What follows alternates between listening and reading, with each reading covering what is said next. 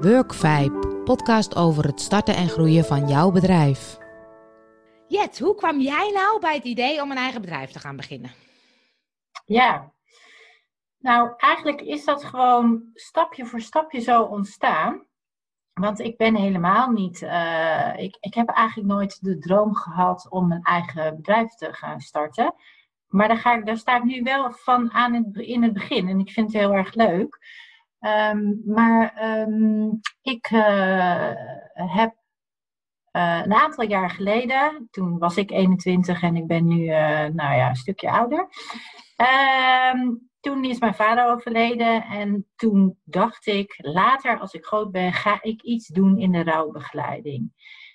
Ik deed toen al HBO-opleiding en ik dacht, nou, die, daar moet ik een opleiding voor doen. Uh, dat ga ik later doen. Ik ga nu vrijwilligerswerk doen, maar later als ik groot ben, ga ik dat doen. En een paar jaar geleden is mijn broer overleden. En toen zei jij, Angel, tegen mij: van, goh, wat zijn nou je dromen? Wat zou je nog willen? En toen zei ik tegen jou: ja, nou ja, die heb ik wel, maar ik ga natuurlijk, hè, ik ga altijd nog die opleiding doen. En toen zei jij van, nou, wordt het dan nu niet eens tijd om die opleiding te gaan doen? Ben je niet groot genoeg?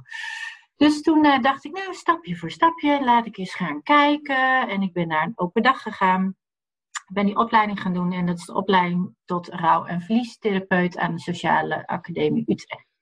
Superleuke opleiding, eh, heel leerzaam. En, uh, maar nu ben ik gewoon 2,5 jaar later ben ik een rouw- en verliestherapeut. Ja. En uh, in de loop van de opleiding dacht ik, ja nee, ik hoef niet zo nodig een eigen praktijk en ik gebruik het in mijn werk. Maar nu zo aan het eind van de opleiding denk ik, nou, echt een eigen praktijk naast mijn baan als, uh, als maatschappelijk werker. Uh, dat lijkt me leuk. En dan stapje voor stapje, hoeft niet gelijk heel groot, maar wel, uh, ja, ik wil daar wel iets mee. Nou, en toen dacht ik, ja, waar moet ik beginnen? Waar ga ik beginnen? Ja. Dus het is niet zozeer dat ik, me, dat ik iets had van, ik wil eigen baas zijn, ik wil mijn eigen onderneming. Het is meer gegroeid vanuit de interesse van wat ik deed. Uh, hè, die opleiding, dat ik dacht, ja, maar als ik dus een, een praktijk wil starten, dan betekent dat dat ik voor mezelf moet ja. gaan beginnen en dat ik ja. ondernemer word. Ja. En als je ondernemer wordt, ja, dan sta je ineens voor een, een of andere uh, poort waar je nog nooit geweest bent, waar ik in ieder geval nog nooit geweest was. En waar ik ineens van allerlei dingen moest gaan doen of gaan denken hoe ik dat zou moeten doen. Ja. Um, en toen dacht ik, wow, daar komt veel bij kijken. ja. Het is, het is leuk, hè? Want, want een eigen bedrijf starten, dat komt op een gegeven moment in je op. En dan denk je, ga ik dat wel of niet doen? Maar wat ik het mooie vind, en dat wil ik mensen ook altijd meegeven, dat het van binnen komt. Dat je voelt, dit heb ik gewoon te doen. Dit, dit Mhm. klopt gewoon. En dat Ja. was bij jou natuurlijk heel duidelijk. Dit klopt gewoon. En dan, Ja. Eh, eh, als je dan kijkt naar onderneming starten of wat moet je doen, dan zeggen ze, doe een marktonderzoek, doe een eh, klantendingen. Is er wel behoefte aan? Is er... Ja. Maar ik ben veel meer vanuit vibe, dat is natuurlijk mijn bedrijf, vanuit je vibe dingen neerzetten. En op het moment dat het echt van binnenuit komt en echt klopt, dan kan je nog zoveel onderzoeken dingen doen, maar dan gaat het gewoon lopen, want dan klopt het bij jou. Dan neem je ook de juiste stappen. Ja. In plaats van allemaal trucjes aanleren, die je dan allerlei dingen gaat doen.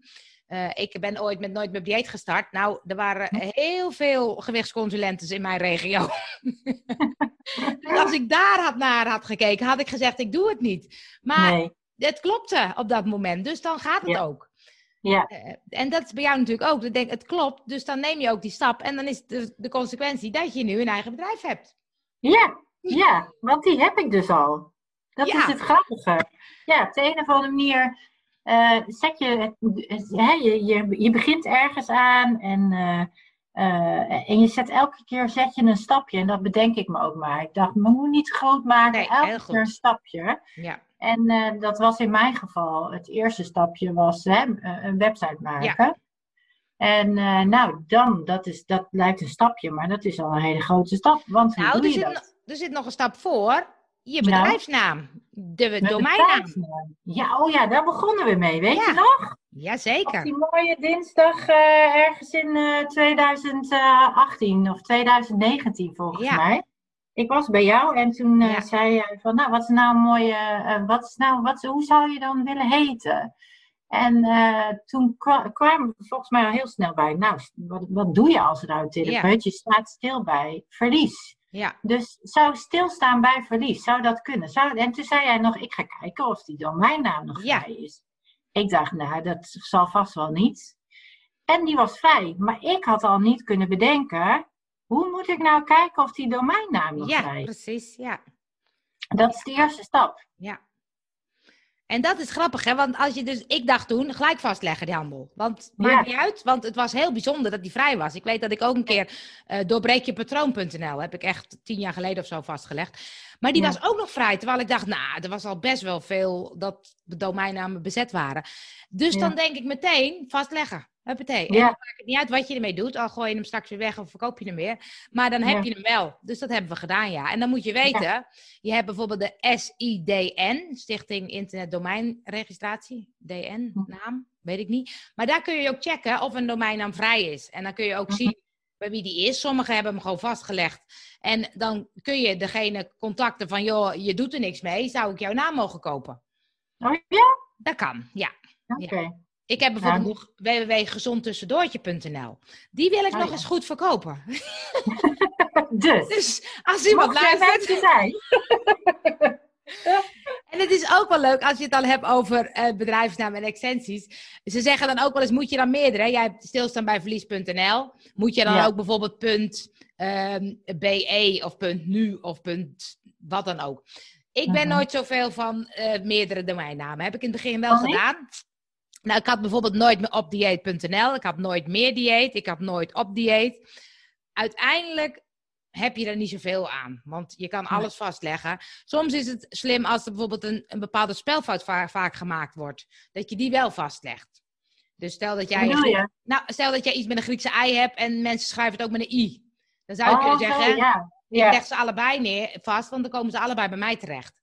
Ja. Maar in principe is het, is het vooral dat jij gaat promoten op social media, op je website, op je... En dan komen mensen bij jou terecht. En dan maakt het niet zoveel uit welke website eh, namen je allemaal hebt. Nee, Dus- nee. En stilstaan bij verlies, daar kan je niet echt een spelfout in Nee, maken. Precies. Nee, Ik ben niet precies. zo goed Dus- in spelling, maar dat. eh, nee, dat is niet ja. zo. En je kan zeggen, als je natuurlijk internationaal gaat, dat je wel de Engelse variant vast, .com ga je dan Ja. vastleggen. Nou, dat maar zou denk kunnen. niet dat ik internationaal Nee, ga met mijn. eh, Nee, Nee, denk nee, ik niet. Nee, nee. Dus dit is de start van je bedrijf en ehm, de eerste punt, hoe ga je heten? Ja, hoe ga je heten en hoe ga je, want dat hè, dat je, hoe ga je heten, dat is natuurlijk een zoektocht. Maar hoe ga je dan zorgen dat je die domeinnaam toe-eigent? Ja. Ja. En dat is dus, wat, je, wat zei jij nou net? SIDN kan je checken waar die is. En bij een eh, provider kan je hem vastleggen. Dus wij hebben gekozen voor SoHosted. Eh, Ja. Je hebt mijn domein, je hebt eh, Hostnet, je hebt, bedoel, dat zit allemaal redelijk in, in elkaar. Je kan kijken wat is de beste provider. Ik ben heel erg enthousiast over SoHosted, dus daar blijf ik dan lekker bij. En daar Ja. leg je hem vast. En dan kan je gewoon zeggen, joh, die domein wil ik. En ik betaal dan eh 12,95 per, ma- per jaar.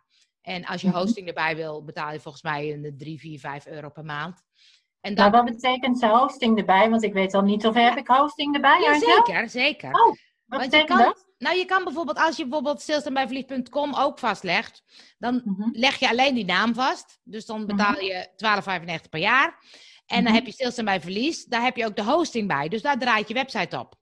Oh ja, Dus zonder Ja. domeinnaam heb je geen website, heb je alleen maar een domeinnaam. En de Ja. hosting maakt dat je een website hebt. En wij Ja. hebben WordPress gekozen, gaan we ook nog wel een keertje verder over praten. ja, ja. De eerste stap Maar is... dit was eigenlijk de eerste stap eh, die we een paar jaar geleden eh, Ja. gezet hebben. Nou, en ik had eh, zonder, zonder jou had ik niet geweten, ja, dan had ik iemand, maar ik, uit mezelf had ik niet geweten hoe moet ik nou ja, die naam bedenken. Dat, dat lukt nog wel. Lukt nog wel. Maar waar moet ik dan vervolgens naartoe om die, die naam vast te leggen? Ja, Nou, dankjewel weer. ja jij ook. Wil je meer luisteren? Kijk op podcastvibes.nl.